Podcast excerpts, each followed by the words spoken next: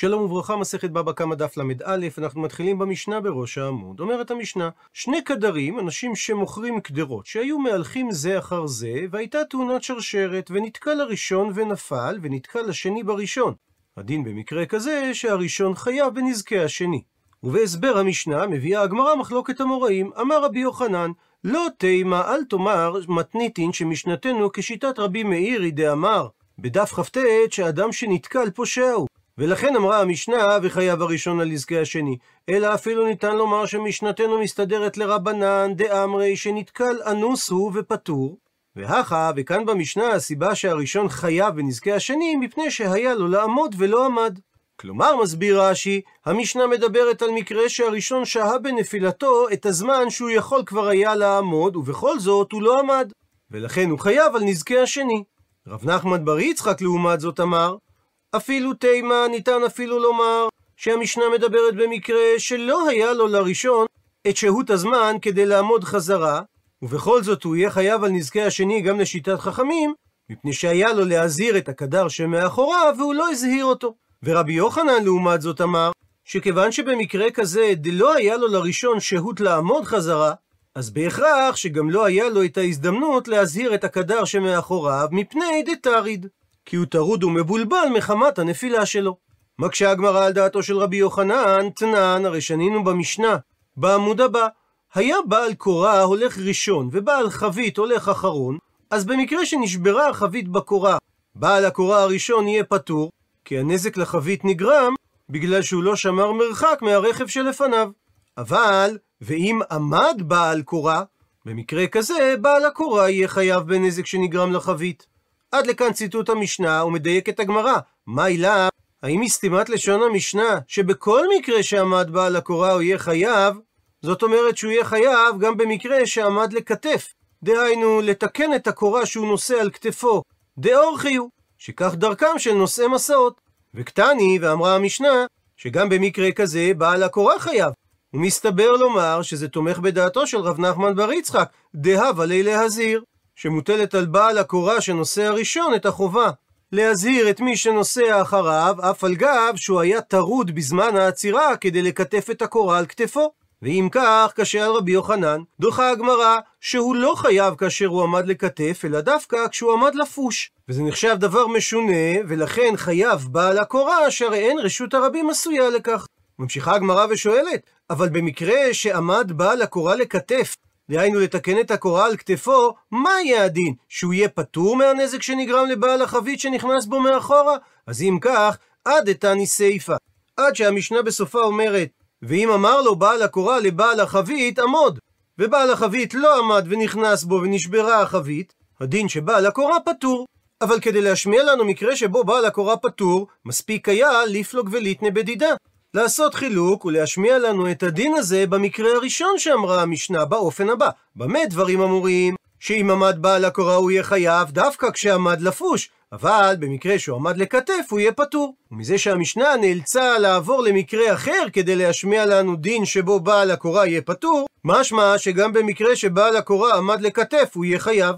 דוחה הגמרא ואומרת שגם כשהוא עמד לכתף הוא יהיה פטור.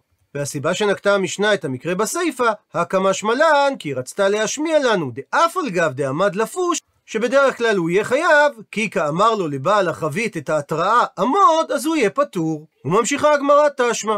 בו שמע הוכחה כנגד דעתו של רבי יוחנן מהברייתא הבאה, הקדרים והזגגים, שהיו מהלכים זה אחר זה. והקדרים, כפי שאמרנו, זה אנשים שמוכרים כלי חרס, והזגגים זה אנשים שמוכרים כלי זכוכית. ולא עלינו אירעה תאונת שרשרת. נתקל הראשון ונפל, ונתקל השני בראשון, והשלישי נתקל בשני. הדין שהראשון חייב בנזקי שני, ושני חייב בנזקי שלישי. ואם מחמת ראשון נפלו כולן, במקרה כזה, הראשון יהיה חייב בנזקי כולם. וזה משפט שהגמרא תסביר בהמשך. ואם הזהירו זה את זה, כולם יהיו פטורים. עד לכאן ציטוט הברייתא ומוכיחה הגמרא. מה אליו, האם לא מדובר בברייתא, שלא היה להם אפילו את הזמן לעמוד, ובכל זאת אמרה הברייתא שהם חייבים על הנזק שנגרם למי שנכנס בהם מאחורה. וזה תואם לדעתו של רב נחמן בר יצחק, וקשה על דעתו של רבי יוחנן. מתרצת הגמרא, שלא מדובר בברייתא שלא היה להם זמן לעמוד, אלא מדובר שהיה להם זמן לעמוד. והיות שהם לא עמדו ונגרם נזק למי שהתנגש בהם מאחורה, הם חייבים לשלם על הנזק. מקשה הגמרא על התירוץ הזה, זאת אומרת, אבל אם לא היה להם זמן לעמוד, מה יהיה הדין? הוא יהיה פטור? אבל היא הכי אם כך, עד איתני סיפא, אז עד ששונה הברייתא בסופה את הדין, שיש מקרה שהם יהיו פטורים על הנזק שנגרם למי שנכנס בהם מאחורה, שאומרת הברייתא, אם הזהירו זה את זה הדין שפטור, יכלה הברייתא ליפלוג וליטנה בדידה. להשמיע את הדין הזה על ידי שהיא הייתה מבצעת חילוק בדין הראשון שהיא אמרה באופן הבא. במה דברים אמורים? שבתאונת שרשרת כל אחד חייב על הנזקים שנגרמו למי שהיה מאחוריו, רק במקרה שהיה להם לעמוד. אבל אם לא היה להם את הזמן לעמוד, הדין שפטורים. ומזה שהברייתא לא אמרה את המקרה הזה, אלא נאלצה לעבור למקרה אחר, שאם הזהירו זה את זה, אז הדין שפטור, משמע שגם במקרה שלא היה להם את הזמן לעמוד, הם יהיו חייבים. וזה תומך בדעתו של רב נחמן בר יצחק ונגד דעתו של רבי יוחנן. מתרצת הגמרא שניתן להסביר שגם כשלא היה להם זמן לעמוד הם יהיו פטורים. והסיבה שבסיפא אמרה הברייתא את המקרה של אם הזהירו זה את זה פטור, הקא שמלן, כי המשנה רצתה להשמיע לנו, דאף על גב דהיה להם זמן לעמוד, כי הזהירו זה את זה, הם יהיו פטורים. ועל הדין שאמרה הברייתא, שבתאונת שרשרת הראשון חייב בנזקי שני ושני חייב בנזקי שלישי, אמר רבא. הראשון חייב בנזקי שני בין בנזקי גופו בין בנזקי ממונו, אבל השני חייב בנזקי שלישי בנזקי גופו בלבד, אבל לא בנזקי ממונו. ושואלת הגמרא על דברי רבא, ממה נפשך? לא ברור מה אתה רוצה לומר. שהרי אי נתקל פושע הוא, ולכן הראשון חייב על הנזקים שנגרמו לשני, שני נמי לחייב, אז גם השני צריך היה להיות חייב על כל הנזקים שנגרמו לשלישי. ומדוע אמר רבא שהוא לא חייב בנזקי ממונו? ומצד שני, אי אתה אומר שנתקל לאו פושע הוא, אלא הוא נחשב כאנוס, ולכן השני לא חייב על נזקי הממון של השלישי, אז אפילו ראשון נמי להיפטר. ולמה אמר רבא שהראשון חייב גם בנזקי הממון שנגרמו לשני? הפכנו דף ומסבירה הגמרא את דברי רבא. ראשון ודאי פושע הוא, והשני לעומת זאת, הגופו מחייב, דאבה לו לעמוד ולא עמד, אבל הממונו הוא יהיה פטור, דאמר לו השני לשלישי, היי בירה לאו אנא קריטי. הוא מסביר רש"י, הראשון שנתקל ודאי פושע הוא, שהרי מעצמו הוא נפל ולא שמישהו הפיל אותו, אז ביחס לנזקים שנגרמו על ידי גופו, הוא נחשב כמזיק והוא חייב לשלם, וביחס לנזקים שנגרמו על ידי ממונו, היות שהוא נחשב פושע, אז הוא נחשב כאדם שקרא בור ברשות הרבים, ולכן הוא יהיה חייב על נזקים שנגרמו לגופו של השני. השני, בשונה מהראשון, נחשב בנפילתו אנוס, ולכן הוא יהיה חייב רק על נזקים שגופו גרם. כדין מזיק בידיים, כי היה לו לעמוד והוא לא עמד. אבל ביחס לנזקים שממונו גרם, הוא יהיה פטור לגמרי, ואפילו אם היה לו לעמוד, דהיינו אפילו אם הוא יכול לפנות היה את ממונו מהדרך, מפני שאומר השני לשלישי, את הבור הזה שהזיק אותך, לא אני חפרתי, אלא הראשון גרם לו. ומדובר כמובן שהוא הפקיר את נזקיו לאחר נפילת האונס, שבמקרה כזה למדנו בדף כ"ט שהוא פטור. ונסכם את הדברים בטבלה הבאה. הגמרא מבינה שהמילים גופו וממונו מתייחסים למזיק. כך שמה שאמר רבא הראשון חייב בנזקי שני בין בנזקי גופו בין בנזקי ממונו, בנזקי גופו הכוונה שהמזיק זה גופו של הראשון, והניזק זה הגוף או הכלים של השני, והראשון חייב על כך כי נתקל פושע הוא, וממילא הוא חייב מדין הדן המזיק. והוא חייב גם על נזקי ממונו, דהיינו שממונו של הראשון הוא זה שהזיק את גופו של השני ולא את כליו, שהרי נתקל פושע הוא, ולכן הוא נחשב כמי ששם בור בכוונה ברשות הרבים. והשני חייב בנזקי שלישי, בנזקי גופו, שהזיק גופו של השני את גופו או כליו של השלישי, שאומנם הוא אנוס בנפילה, אבל משום שהיה עליו לעמוד, אז הוא חייב מדין אדם המזיק. אבל השני לא יהיה חייב בנזקי ממונו, דהיינו, שאם ממונו של השני הזיק את גופו כליו של השלישי, הוא לא יהיה חייב על כך, מפני שהוא יטען, לא אני קריתי את הבור. מקשה הגמרא מיטיבי קושייה ממקור תנאי על דברי רבא, שיש ברייתא שמתייחסת לדברי הברייתא הקודמת ואומרת, כולם חייבים על נזקי גופן ופטורים על נזקי ממונן.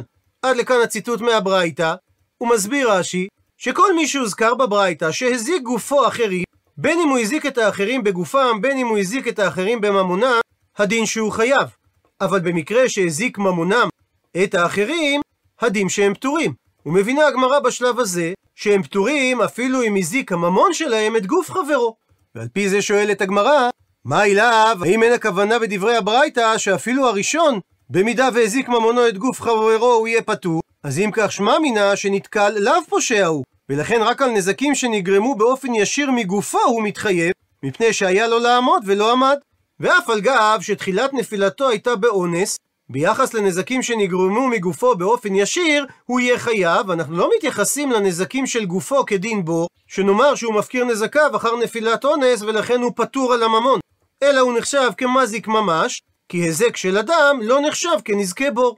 וזה סותר את דברי רבא, שאמר שכיוון שהראשון פושע הוא, אז הוא חייב גם על הנזקים שנגרמו מממונו. מתרצת הגמרא שדברי הברייתא לא התייחסו לראשון, אלא לכל שאר הנזקים לבר חוץ מהראשון. מקשה על כך הגמרא, והכולם קטני. הרי הברייתא נקטה את הלשון של כולם, זה אומר שזה כולל גם את הראשון. עונה על כך, אמר עבד אבר אהבה, שהלשון כולן מתייחסת לנזקין. ולכן הראשון לא כלול במילה כולן, כי הוא רק הזיק ולא נזק. דוחה הגמרא את הפירוש של רבד אבר אהבה, היי מאי, מה זה התשובה הזאת? אי אמרת בישלמה, הלשון כולן שנקטה הברייתא מובנת, במידה ואתה אומר שזה כולל אפילו את הראשון. היינו דקטני, ולכן אמרה הברייתא את הלשון של כולן. אלא היא אמרת שהלשון כולן מתייחסת לכל הנזקין לבר חוץ מהראשון, אז מהי המשמעות של המילה כולן? היה עדיף שליטני תשנה הברייתא הלשון של הנזקין. ומשום כך דוחה הגמרא את הפירוש הראשון שהיא הביאה לדברי רבא. אלא מביאה הגמרא פירוש שני, שכנראה כך אמר רבא.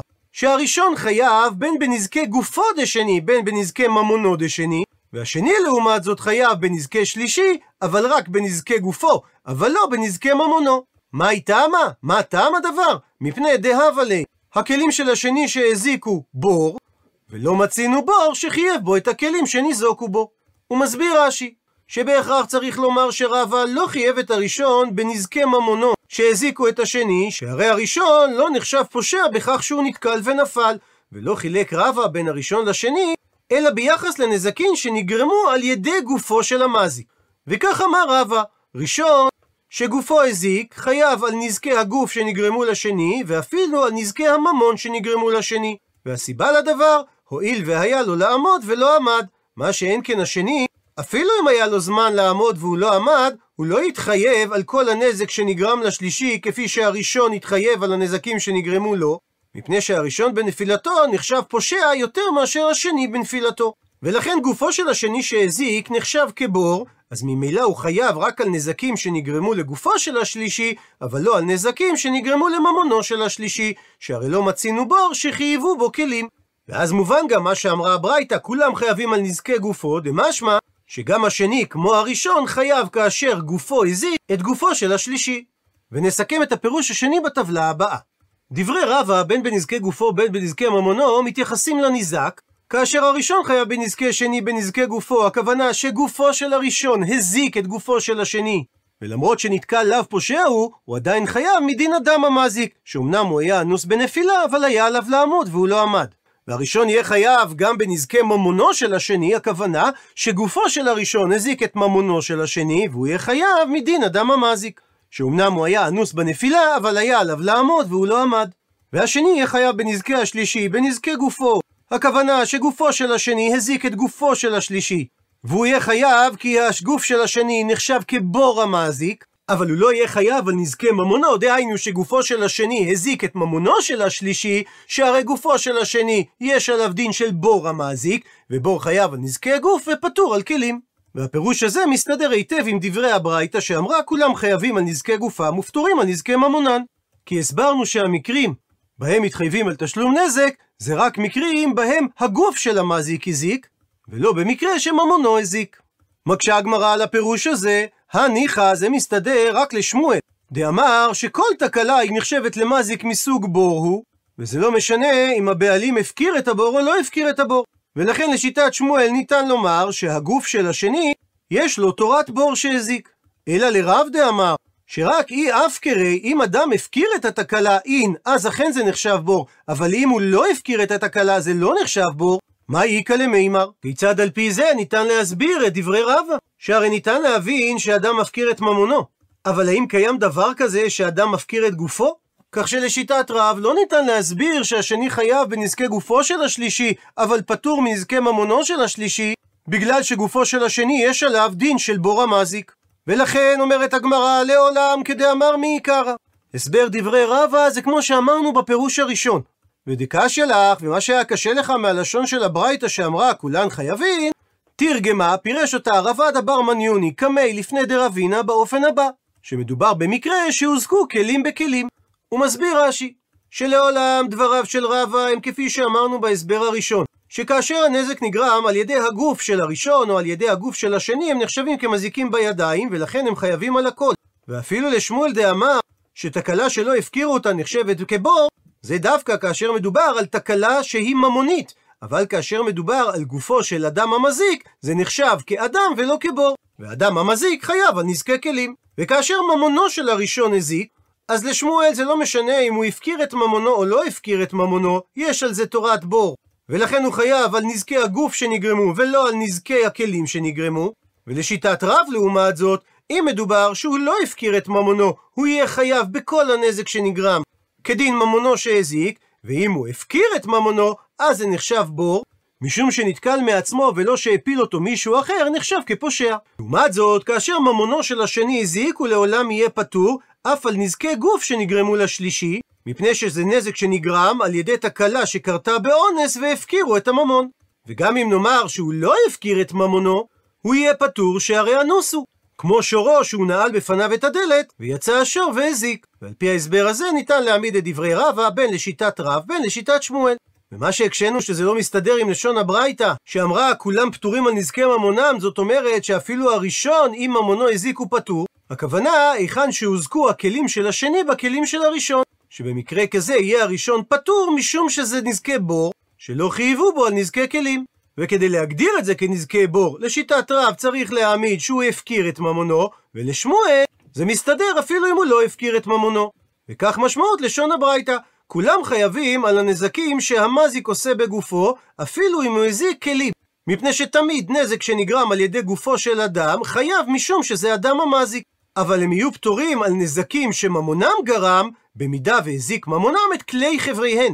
שהרי אפילו הממון של הראשון שהזיק, לא ניתן להגדיר אותו יותר מאשר בור, שהרי אין לך פושע יותר מאדם שקורא בור ברשות הרבים, וגם בו פתרה התורה נזק שנגרם לכלים. אבל כאשר הזיק ממונו של האדם את הגוף של הניזק, אז יש מקרים שהוא חייב ויש מקרים שהוא פטור. נסכם את הדברים בטבלה הבאה. דברי רבא מתייחסים אל המזיק. זאת אומרת שהראשון חייב בנזקי שני, בין בנזקי גופו והכוונה שגופו של הראשון הזיק את גופו או כליו של השני, והסיבה שהוא חייב זה מדין אדם המזיק, שהרי נתקל פושע הוא.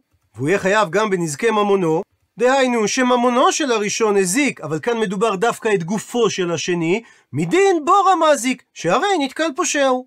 השני לעומת זאת יהיה חייב בנזקי השלישי, רק בנזקי גופו, והכוונה לנזקים שגרם גופו של השני לגופו או כליו של השלישי, מדין אדם המזיק, שאומנם הוא היה אנוס בנפילה, אבל היה עליו לעמוד והוא לא עמד.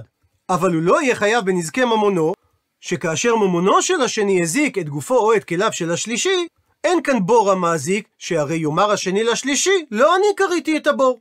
וההסבר הזה מתיישב היטב בדברי הברייתא שאמרה כולם חייבים על נזקי גופם ופטורים על נזקי ממונם, שעל נזקים שנגרמו מגופו של המזיק לעולם חייבים בין על גופו בין על כליו של הניזק, ובנזקים שנגרמו מממונו של המזיק, שלשיטת שמואל זה לא משנה אם המזיק הפקיר או לא הפקיר את ממונו, החיוב הוא משום בור ולכן פטור על כלים, ולשיטת רב צריך להאמין שמדובר שהמזיק הפקיר את ממונו, וממילא הוא חייב משום בר והוא יהיה פטור על כלים. עד לכאן ההסבר של דברי רבא. ומביאה הגמרא המרמר, ציטוט מהברייתא, מהעמוד הקודם, שאם השני והשלישי מחמת ראשון נפלו, הדין שהראשון חייב בנזקי כולם. סוף ציטוט, ומקשה הגמרא, מחמת ראשון איכי נפיל. כיצד ייתכן שהשלישי נתקל בראשון ולא נתקל בשני?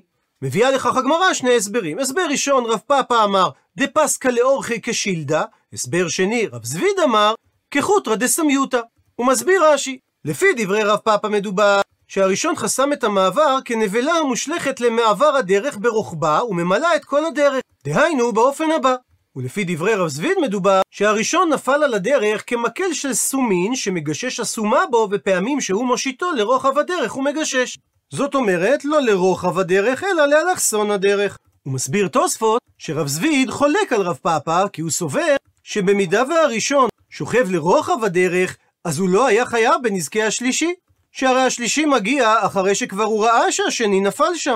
ולכן הסביר רב זביד שמדובר באופן שהראשון נפל באלכסון, כך שכאשר נתקל תחילה השני בראש המכשול, אז השלישי שבא אחריו עדיין לא ראה את המכשול ונתקל בסוף המכשול, באופן הזה.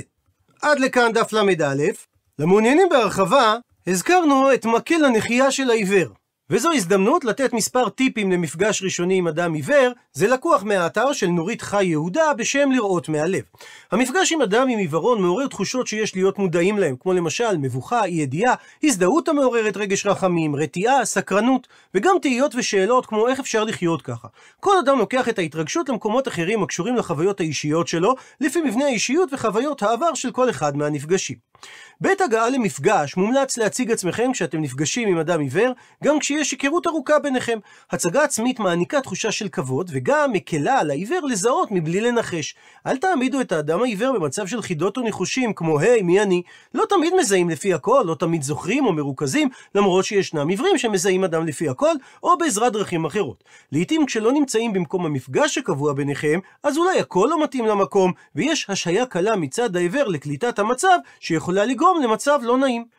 אם אתם מגיעים לסביבה חדשה, רצוי לתאר אותה, במיוחד אם זה במקום רועש. אפשר לדוגמה לתאר את המתרחש, מי נכנס, אילו חפצים מצויים במקום, אילו קישוטים יש בסביבה, היכן נמצאים הכיסאות וכולי. תיאורים אלו יאפשרו לאדם העיוור לחוש שהוא נמצא במרחב שהוא יכול לדמיין אותו, דבר המונע ממנו תחושת ניתוק. אם הושטתם יד ללחיצת ידיים, רצוי להודיע לו על כך, או לקחת את כף ידו. גם ללקויי ראייה, ייתכן ששדה הראייה מצומצם, וקשה לו לראות את כף היד המושטת אליו. רבים מהעיוורים סיגלו לעצמם לא להושיט יד, כדי להימנע מאי דיוק הושטת היד. לכן גלו הבנה כשהוא לא משיב לכם את כף ידו בחזרה. כאשר רוצים להציע לאדם עיוור עזרה, חשוב לפנות ישירות אל האדם לקוי הראייה ולשאול אותו אם הוא זקוק לעזרה, לאפשר לו לבחור האם לחשוף את הקושי בפניך, ולאפשר לו להחליט האם אתה הוא שיכול לעזור לו וכיצד. גישה זו מכבדת את חופש הבחירה לאדם העיוור, שיש לו רצון משלו וסדר עדיפויות משלו. חשוב לומר שעיוורים משתמשים במילים כמו נראה לי, ראיתי ותראה, במובן של הבנה בדיוק באותה צורה כמו אנשים רואים, שהרי האדם עם הראייה הירודה הוא חלק מהחברה, ומילים אלו הם חלק משפת הדיבור שלו. גם באנגלית המילה תראה מתכוונת להבנה, you see, ובתורה המילה ראה הכוונה ראייה פנימית או התבוננות פנימית. עם זאת, כאשר פונים לאדם עם עיוורון או לקות ראייה במילים תראה את זה ומדברים איתו בביטוי מלשון לראות, זה קצת צובט למי שעדיין חש באובדן ראייתו. דוגמה למילים נוספות, המילים שם, פה, כאן, שקוף, אטום, בהיר, כהה, צבעוני, מטושטש, הם לא בלקסיקון של עיוור מוחלט מלידה שלא ראה מראה מימיו. כמובן שגם מחוות גופניות, כמו הנהון בראש לאות המילה כן, או הצבעת יד לכיוון מסוים, לא ייקלטו אצל אדם עם עיוורון. במקומן כדאי להשתמש במילים המתארות את המצב החיצוני באופן מדויק. לדוגמה, מאחוריי, מימינך, מלפנים, למעלה, למטה, מדרגה יורדת או עולה וכולי. לעומת זאת, שימוש במילים המתארות את החושים האחרים דווקא כן מובנות, לדוגמה, רך, חם, קר, קול רם או בלחש וכדומה.